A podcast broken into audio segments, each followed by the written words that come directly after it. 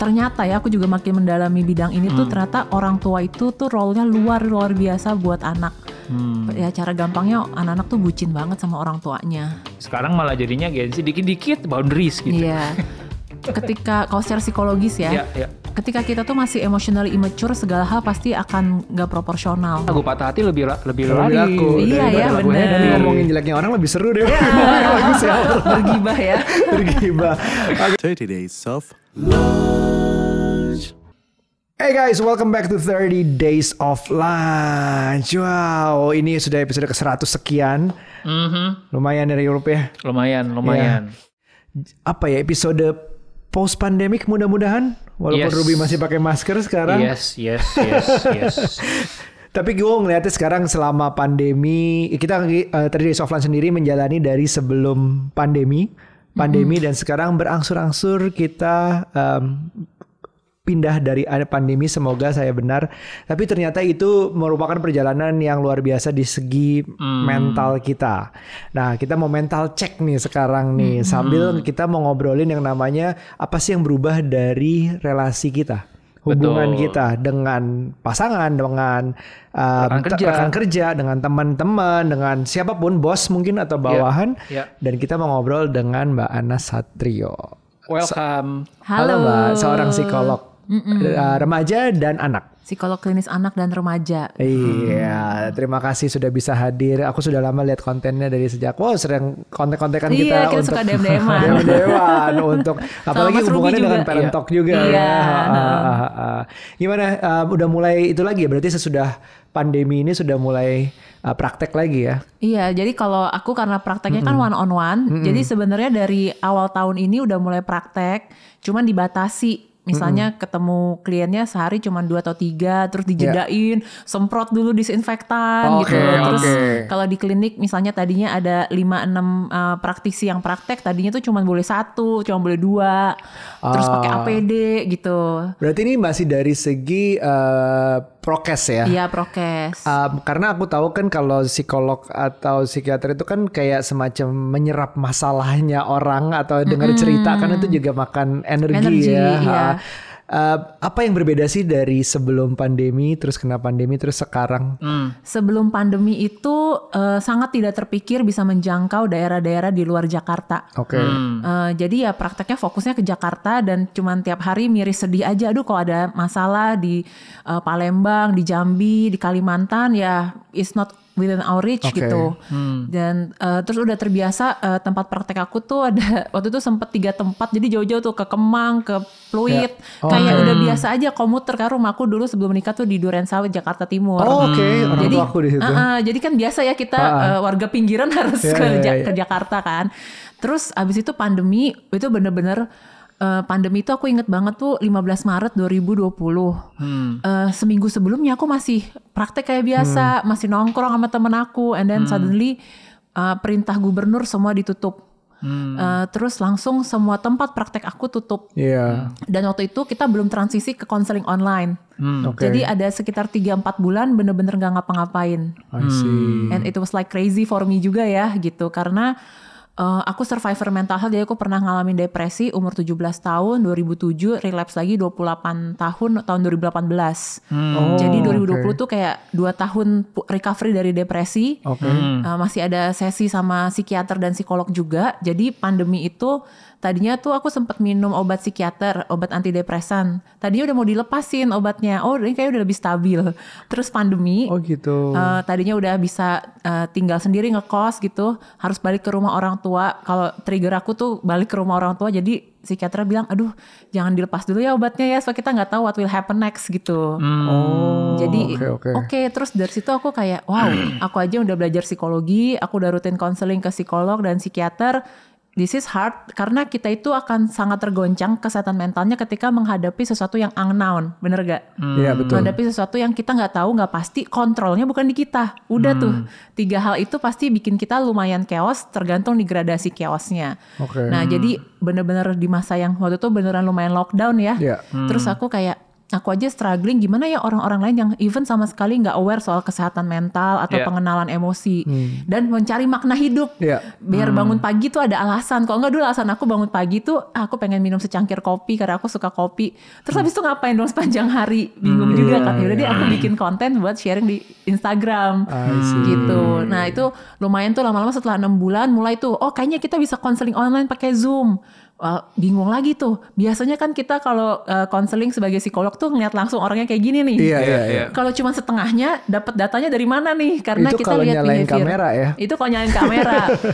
Terus pertama kali adaptasi ini juga yang penting kita bahas karena setiap adaptasi itu makan energi mental kita. Hmm. Jadi aku ngalamin banget tuh rasa di badan waktu yang misalnya awal-awal mulai konseling online di Zoom itu satu sesi jam satu sesi konseling uh, Zoom capeknya kayak tiga jam praktek langsung. Hmm. Kayak gila ya capek banget nih nyari eh, apa ngambil eh, eh, ngambil informasi data dari cuma setengah badan orang gitu kan. Terus eh, kadang-kadang nggak gitu jelas gitu. And then tapi habis itu ad- beradaptasi. Sampai udah bisa bikin jadwal konseling online. Ah, ah, enak ya bangun Iya, pagi eh, beraktivitas olahraga terus konseling Online. online. Terus bikin live Instagram juga itu cara terkoneksi sama temen juga sih karena Iya, kan iya. nggak bisa ketemuan. Iya. Terus berita-berita COVID yang tiap hari orang meninggal banyak tuh kan. Terus tahun inilah yang katanya oke kayaknya kita udah bisa mulai sekolah lagi nih anak-anak gitu kan. Buka lagi praktek. Jadi udah sempat nyobain uh, keluar rumah terus tutup lagi. Tapi yang kerasa langsung beda banget sih di tahun ini. Nggak tahu nih teman-teman yang dengerin ngerasa juga atau Mas Aryo atau Mas uh, Ruby begitu abis uh, leb- libur lebaran sih.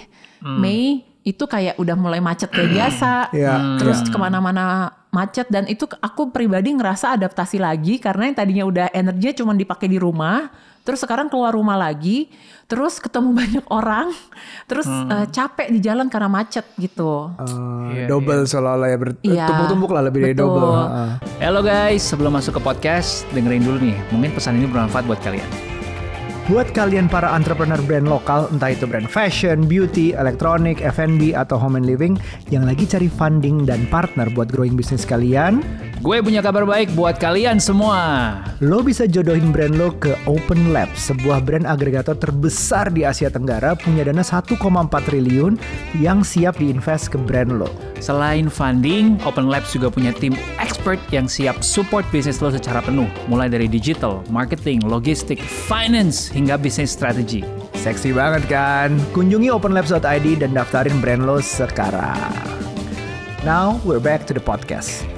Terus eh, abis yang kemarin Juli tahun ajaran baru karena memang aku banyak menangani anak dan remaja makin kerasa lagi nih Eh, apa ya yang akan terjadi waktu itu mikirnya eh, dengan anak-anak mulai sekolah lagi. Ya. gitu. Dan eh, bener banget nih aku lagi sebenarnya lagi momen-momen sibuk banget ini di klinik karena eh, keluhan-keluhan tentang masalah-masalah emosi anak setelah masuk sekolah jadi makin banyak. Kurang lebih itu sih yang aku hadapi Lu ngerasa nggak Rup? ada apa uh, gap uh, selama pandemi ini yang berubah dari lo? Kalau gue ngerasa gue masih di fase apa ya? Di 2021 itu ada satu istilah yang menurut saya cukup mewakili eh, kondisi mental mungkin waktu itu ya. Yang memperkenalkan ini dari TEDx-nya Adam Grant. Em, jadi ini correct me if I'm wrong ya. Kalau spektrumnya kondisi mental tuh ada yang orang namanya flourishing, which is dia lagi bagus banget, kerjaannya bagus, mentalnya rapi segala macam. And then yang namanya depression, gitu. Jadi ada flourishing, berkembang bagus, maju. Ada depression yang emang dia lagi down banget. Oke. Nah ada fase limbo di tengah-tengah, yang nggak sampai wah wah, luar biasa banget, tapi juga nggak depres banget yes tapi nggak tahu juga mau ngapain sama hidup ya udah biasa aja di tengah-tengah. Namanya languishing. Nah aku tuh ngerasa 2021 sampai 2022 tuh ada momennya aku banyak di sini nih. Yang kayak Iya sih, gua nggak sampai gimana-gimana banget, nggak sampai depres, tapi juga gua nggak excited sama hidup. paham. Dan itu masih ke bawah sebagian, baru baru mungkin recently lah ya.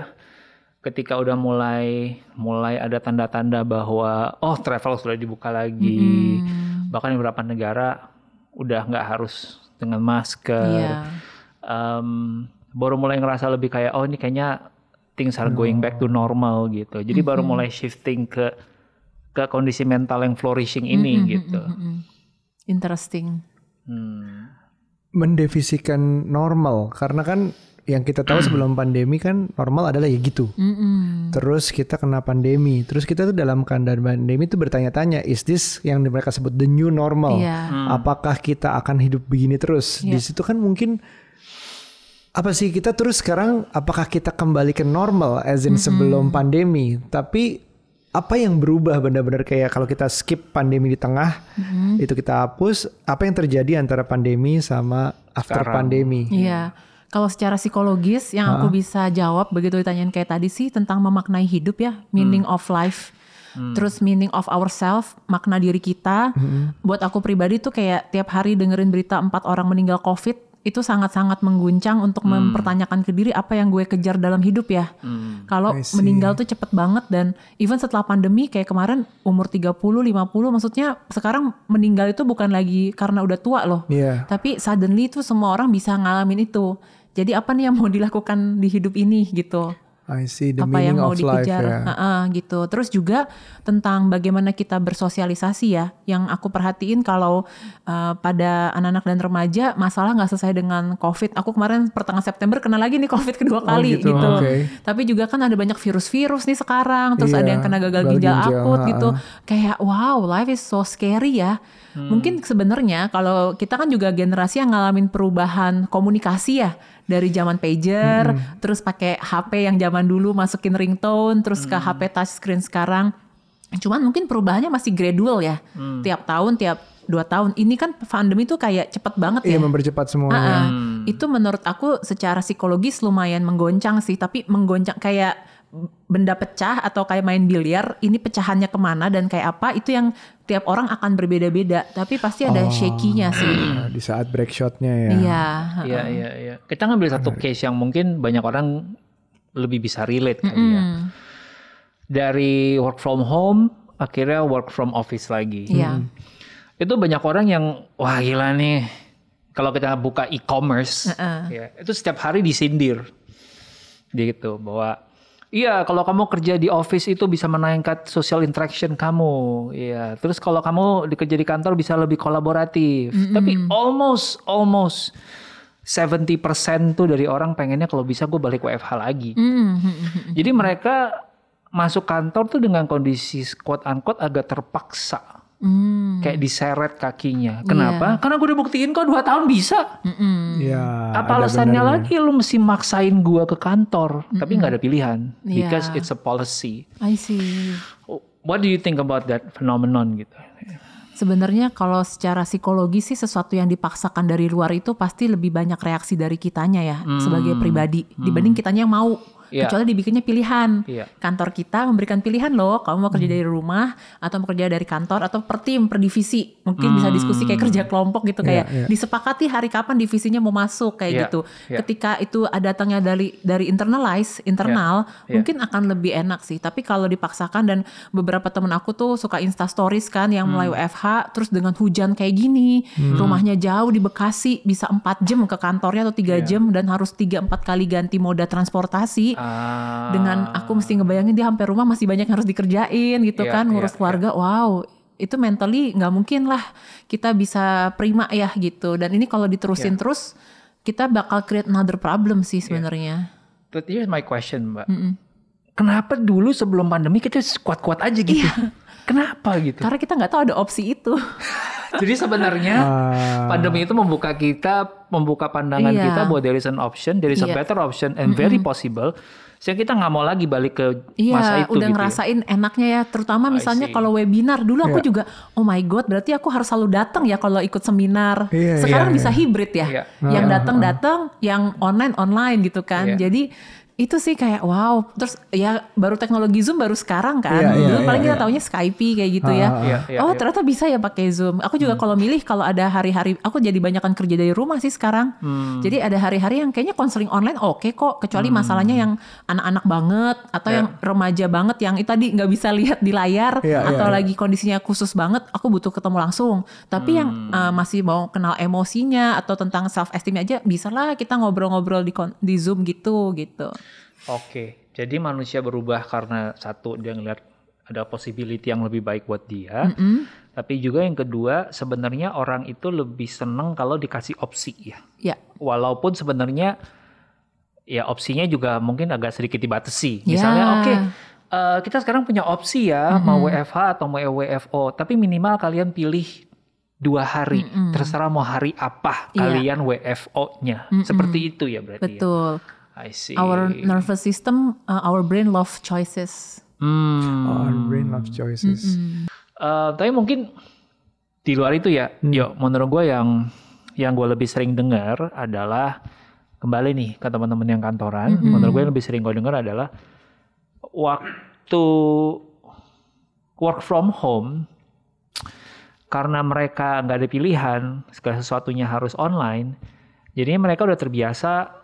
Ya udah deh, eh, sambil gua jagain anak, gua balas kerjaan. Sambil gua mungkin istirahat, gua balesin something. Karena border antara kerja dan istirahat itu makin ngeblur. Apalagi lu di satu ruangan yang sama Iya. gitu ya. Ini kasur, meja kerja. Mm-mm. Nah, yang aku ngeliat sekarang adalah kebawa ke kita bisa sebut post pandemic lah ya. Hmm. Di mana saya masih ngeliat tuh ada teman-teman yang udah jam kerja, udah lewat jam kerja masih ke bawah gitu. Sabtu Minggu itu masih ke bawah gitu. Um, I think hmm, apa ya? I think mungkin di obrolan kali ini bagus juga kalau Mbak Anas bisa kasih guideline baik sebagai si employee maupun sebagai leader atau bosnya gimana bikin healthy boundaries gitu Iya. yang baru untuk post pandemic ini gitu. Iya, itu juga yang aku pelajari dari pengalaman aku sendiri memproses diri secara psikologis. Aku sebagai klien pergi ke psikolog, ternyata tuh penting banget healthy boundaries ya, batasan yang sehat. Ternyata penting banget jeda. Mungkin Dokter Yudi Gejali udah sempet ngomong ya soal rest is also productive. Dan itu buat aku pribadi eh, perlu mulai dari mindset kita bahwa eh, di zaman sekarang untuk kita bertahan hidup nggak bisa kerja terus-terusan. Kita juga butuh tahu kapan jeda, walaupun jeda tiap orang beda-beda. Kalau aku karena weekend tuh juga banyak klien, aku istirahatnya hari Senin. Mungkin kayak teman-teman yang kerjanya WO atau IO gitu Iya, ya. iya. Ah, yes. Uh, tapi I also have my own uh, rest time dan di masa jeda itu bener-bener nggak megang kerjaan dulu.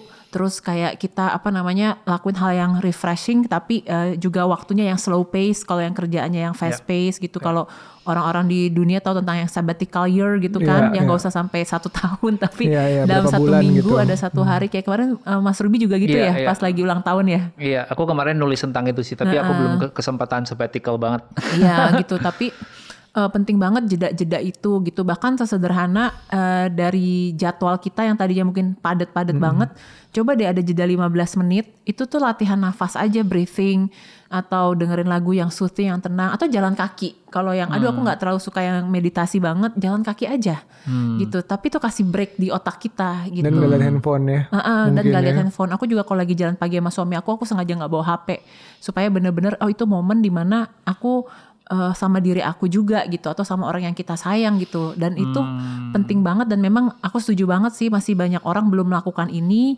atau eh, tempat-tempat kerjanya atau rekan kerjanya yang masih harus ngomongin ini gitu. Dulu aku juga sempat sih walaupun kerja di dunia psikologi Iya. eh, punya tem- tempat kerja yang nggak ada boundaries tuh mau jam berapapun bisa jam 2 pagi di, di Iya, chat iya, soal iya. kerjaan. Iya. Tapi makin aku belajar soal healthy boundaries, oh nggak bisa sih kalau weekend kecuali urgent banget gitu Iya. kita off uh, ya kecuali ada event Iya. terus juga uh, di atas jam 9 gitu mungkin udah nggak ngomongin kerjaan gitu Hmm. tadinya tuh aku pribadi masih ada rasa bersalah mungkin teman-teman lain bisa relate ya suka ngerasa bersalah nggak sih kalau ada chat Hmm. kerjaan Oh terus iya. yang kayak dijawab. "Aduh, Kalau gua kalau ngajak kesian nih, Ah, ah, nanti nggak ada yang bantuin "Eh, eh, gitu. Aduh gimana nih, gimana nih gitu. Eh, tapi balik lagi mungkin tergantung nature tipe kerjaannya Iya, ya. iya, iya. Ta- Intinya kalau tidak terlalu membahayakan Hmm. gitu ya, eh, ya perlu kita off dulu gitu. Dan ternyata lama-lama itu jadi kayak courtesy ya. Kan relasi itu kayak aksi reaksi ya. Ya, ya, ya.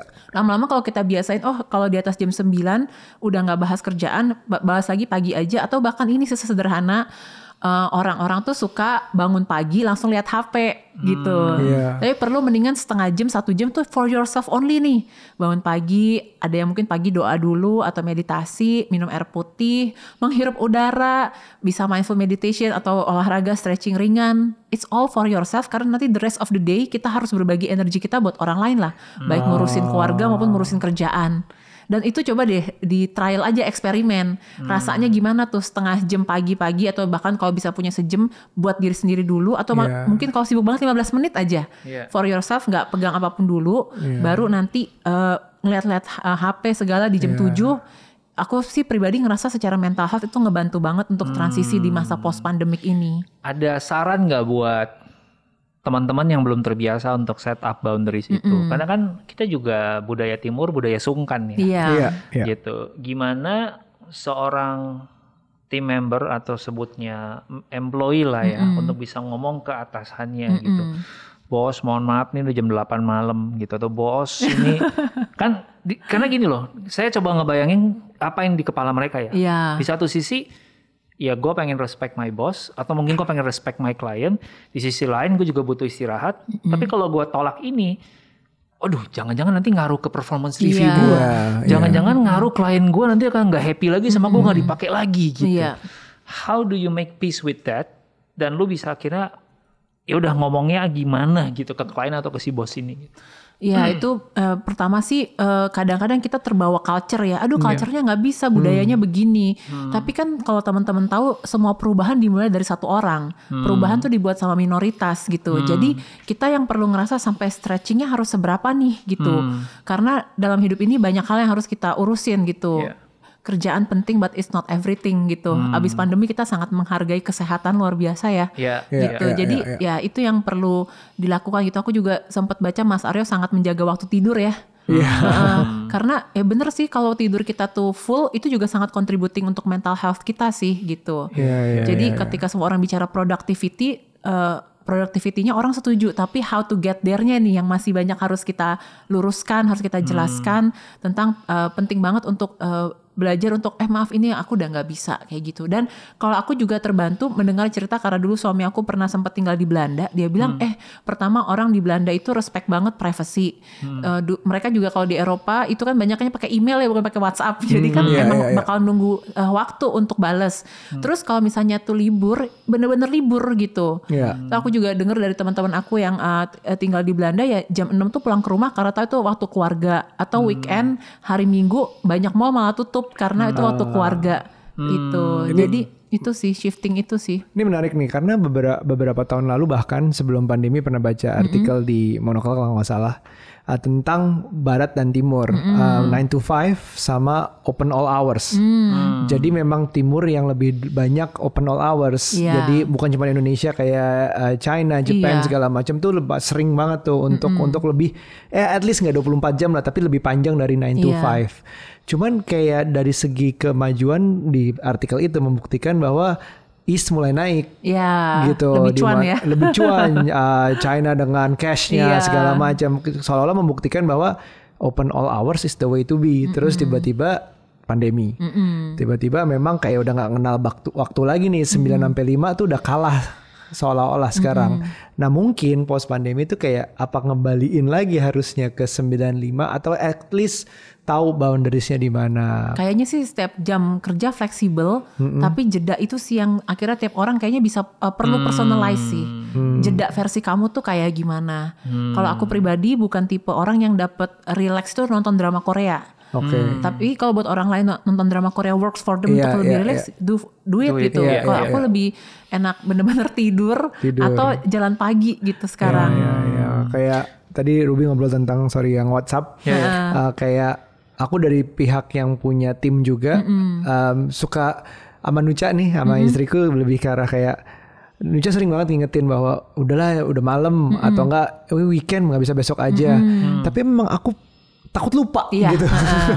Jadi kalau nggak ngasih message-nya sekarang, gue bisa lupa gitu. Kadang-kadang ini sorry balesnya nanti aja nggak apa-apa, Iya. tapi gue taruh Iya, sini aja iya. buat buat lo ituin gitu. Kadang-kadang masih sempet untuk sorry bilang bahwa ini Responnya Senin aja. responnya Senin Iya, aja biar gue nggak lupa nih gitu. Yes, yes. Terus tapi kadang juga gue juga lupa bilang untuk sorry balasnya nanti aja gue nanya aja langsung gitu. Aku nanya aja langsung ya itu yang untung ada Nuca yang untuk kadang-kadang ingetin ya udah nggak dijawab lah biarin aja ini kan weekend gitu. Ya juga sih mungkin aku harus menghargai itu. Tapi mungkin yang Ruby bilang agak susah kalau misalnya di uh, posisi yang bawahan ke Iya, subordinate ya. Kroco-kroco ini kesian Ah, ah, sih. Terus kalau gua nggak jawab atau gue mau itu ngelawan nanti Iya. kan kan kan kan cuti cuti kan bisa dong bawa laptop emang nggak bisa gitu Sampai dibikin meme-nya kan kemarin di Iya. sosial media ya katanya kalau banjir pun masih depan laptop, Iya, kalau masih kalau di opname di rumah sakit mesti bikin proposal juga Iya. gitu. Menurut aku tuh nggak manusiawi sih gitu. Oke oke oke boundaries ya. Jadi ada tipsnya untuk bilangnya persisnya gimana nggak?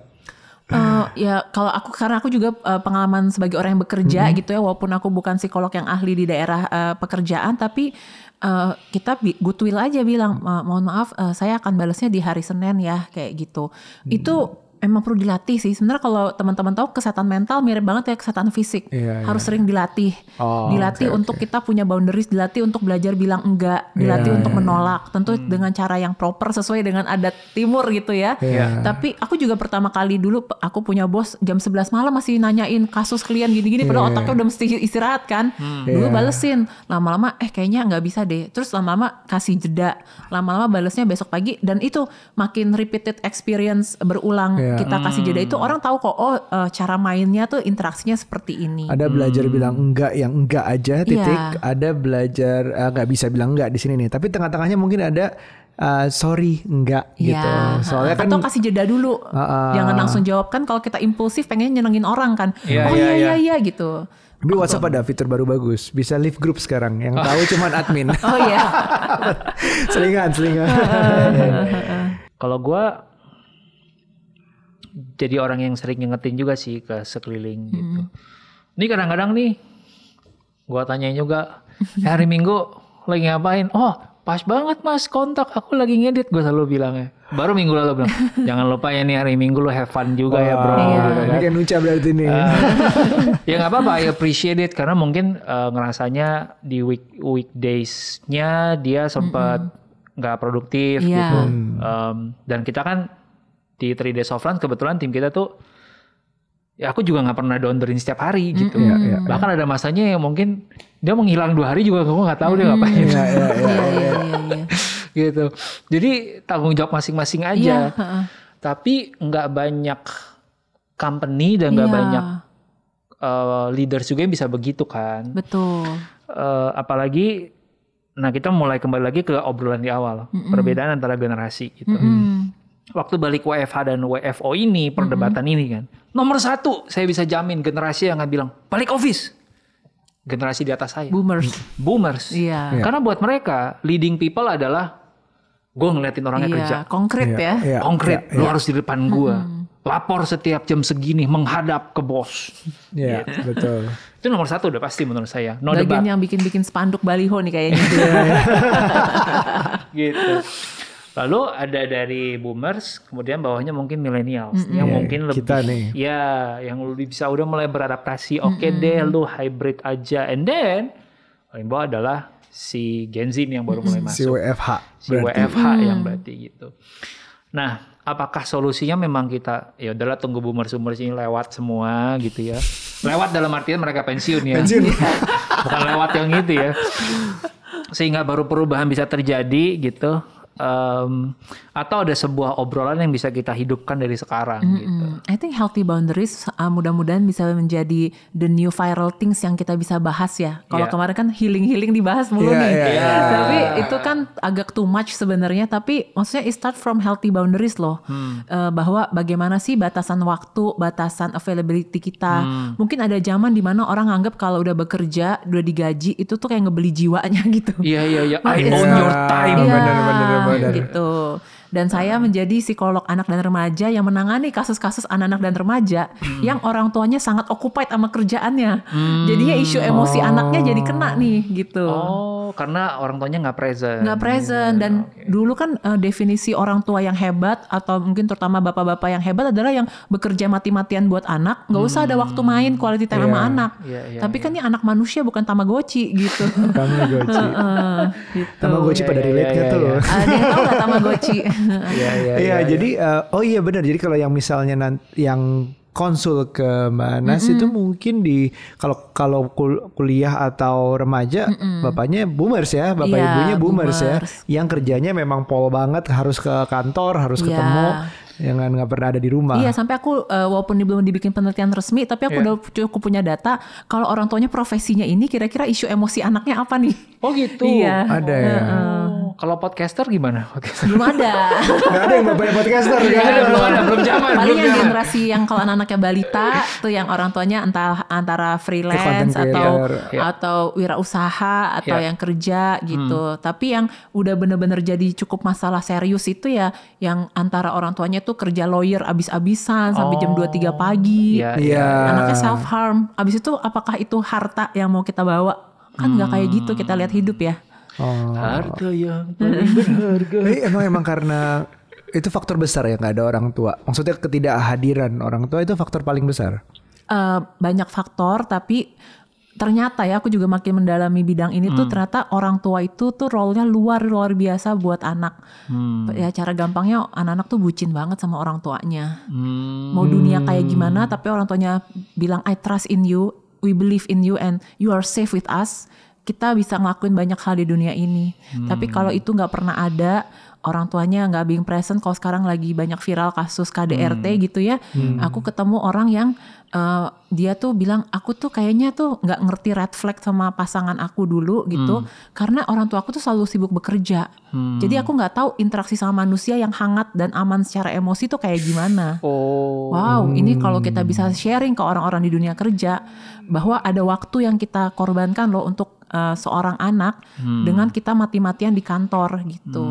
Jadi mungkin boundariesnya juga untuk diri sendiri di mana enough is enough gitu ya. Ya. Di saat kalau misalnya gue disuruh kerja mati-matian timingnya ini, padahal sebenarnya ini it's killing me and my kids. Iya, Mungkin berarti harusnya udah udahan Iya. gitu, udahan waktunya, udahan gue kerja di situ, mungkin udah waktunya resign gitu. Betul. Dan sering kali kalau orang tua itu suka bilang, mungkin kita juga ngerasain ya, kalau main sama anak tuh capek banget. Jadi energinya harus dipilih gitu. Kerjanya mungkin kalau kita kerja 100% tapi sama anak 0%. Mungkin kita bisa bikin Iya. lebih proporsional gitu. Kayak oke kerjaan 70-60% tapi gue masih ada energi 30-40% buat sama, istri, istri, sama sama anak. pasangan, sama suami, sama keluarga gitu. Iya. Jadi kita pengen seperti healthy balance plate buat makanan, kita pengen healthy balance life lah at the end of the day sih.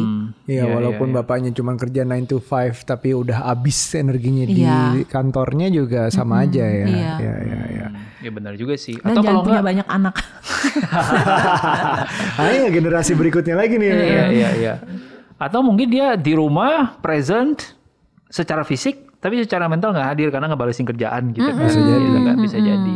gitu. Iya, iya, iya. iya. Itu yang dibantu sama pandemi juga. Di Iya. rumah jadi lebih banyak megang handphone juga jadinya. Iya. Apalagi kan kalau kerja-kerja online tuh orang Iya. tuanya agak ribet tuh ke anaknya. Tapi supaya apa tadi bahasa Indonesia healthy boundaries tuh? Batasan yang sehat. Batasan, yang Batasan sehat sehat. ini tidak dibikin jadi kasusnya healing-healing yang over healing Iya. gitu ya. Gimana supaya orang nggak sampai over gitu. Kayak dikit-dikit healing kalau gitu sekarang kan. Nih, Jangan Bali. sampai sekarang malah jadinya gengsi dikit-dikit boundaries gitu. Iya. Ketika kalau secara psikologis ya, Iya, iya. Ketika kita tuh masih emotionally immature segala hal pasti akan nggak proporsional. Hmm. Ketika kita nggak mengembangkan kedewasaan, kematangan secara emosi, ini Ya. kan isunya tentang antara saya mementingkan diri saya atau saya memperhatikan orang lain ya. Iya. Kalau mungkin buat teman-teman yang udah umur 30-an, 40-an, eh tapi nggak jaminan usia juga ya. Ya. Pokoknya intinya udah lebih punya kematangan Ya, ya, ya. emosi. Ya. Itu it's a balance life gitu. Oh ya ada waktu saya bersama diri saya, ada waktu saya bersama keluarga, ada waktu saya untuk bekerja gitu. Udah balance. Tapi nemuin balance tiap orang itu tuh butuh journey hidup juga. Tapi butuh juga selain kita menjalani hidup, merefleksikan hidup, merefleksikan diri kita. Sesederhana nih mumpung udah hampir akhir tahun gitu kan.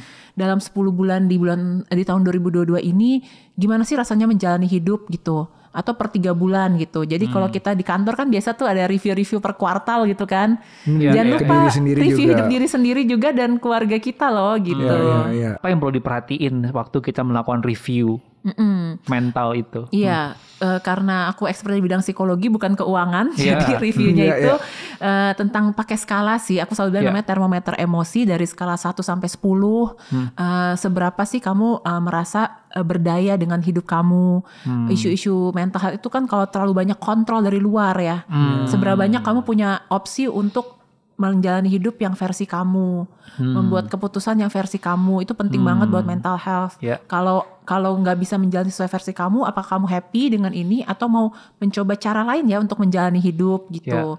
Terus juga dari 1 sampai 10 tuh juga ada nggak sih momen-momen kayak paling berat di tahun ini? Terus apa yang membantu kamu melewati itu? Tapi ada nggak momen-momen menyenangkan di tahun ini? Dan apa yang membuat itu juga gitu.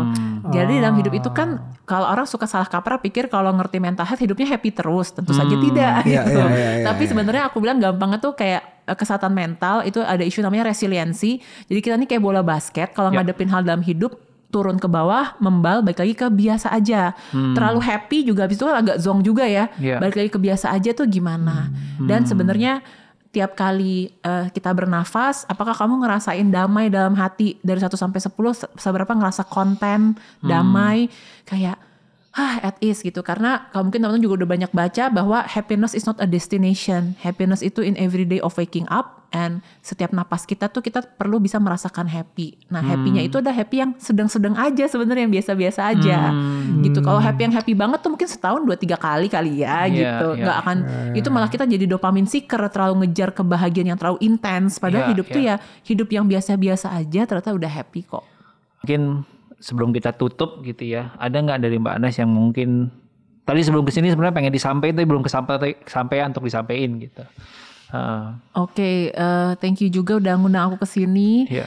Eh, kalau dari yang paham pa- apa yang kita alami sejak post pandemic ini, I think kita juga perlu gently ya melewati masa-masa post pandemic ini. Hmm. Karena tadi bener ada revenge yang kayak oh pengen serba cepet serba keluar rumah, tapi ini badan lagi adaptasi, loh Adaptasi. dengan kemacetan Jakarta.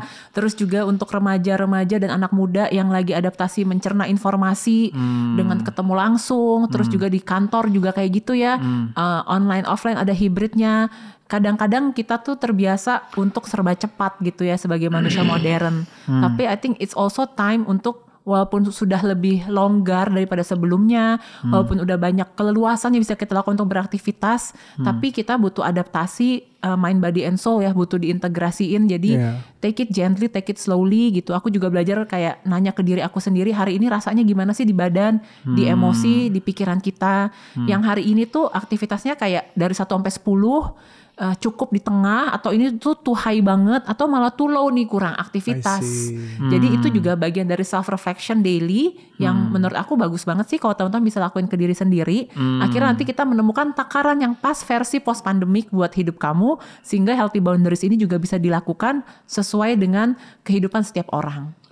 I see. Nice, Nah itu teman-teman nanti waktu dengerin jangan lupa untuk bikin review versi kalian ya. Benar. Gue sih udah kebayang sih mau momen susahnya banyak banget. Iya, banget banget. Tapi pasti ada Susahnya. momen hebatnya Iya, juga kan, ada momen, momen- happy-nya. Oh ya dan ini penting banget teman-teman karena memang by design otak kita ini nyebelinnya otak kita itu lebih mudah mengingat hal negatif Iya. dibanding hal positif. Benar, hal positif tuh harus kita ingat kayak minum vitamin. Iya, Jadi iya. makanya buat remaja-remaja atau anak-anak muda nih kenapa sih hidup gua kayaknya miserable banget, frustasi banget. Iya, iya, karena iya. by design otaknya tuh lebih inget hal negatif tujuannya Iya. dulu buat survival. I Tapi kalau too much negatif kan jadinya pengen self harm, pengen Benar. suicide kayak gitu. Ya makanya Iya. lagu patah hati lebih lebih, Lebih lari. laku. Iya, iya, lagu bener. happy. Dan ngomongin jeleknya orang lebih seru deh. Bagus ya. Bergibah ya. Bergibah. Oke teman-teman ini pentingnya kita untuk lebih sadar uh, mental health kita um, dengan lebih sadar boundaries kita masing-masing terhadap orang lain dan terhadap diri sendiri juga untuk tahu batasnya sampai mana sih kita dan juga untuk sadar mental juga ke expertnya mungkin bisa dan lu harus lebih milih cocok lebih riset tentang expertnya itu sendiri. Iya dan kalau eh, nggak cocok juga nggak apa-apa dulu waktu aku depresi aku pernah nyari lima psikiater baru Nah, cocok sama yang kelima. gitu. Jadi coba lagi award ya dalam menjalani hidup itu berlaku buat Benar. semua hal ternyata. Kayak dokter kulit, tapi aku nggak pernah ke dokter kulit. Oke, teman-teman kalau ini berguna jangan lupa untuk share juga uh, Yes. karena pasti kalau nggak relate ke kita next to you ada orang yang membutuhkan, siapa tahu. Sampai ketemu di lunch berikutnya. Bye. Bye. Dah.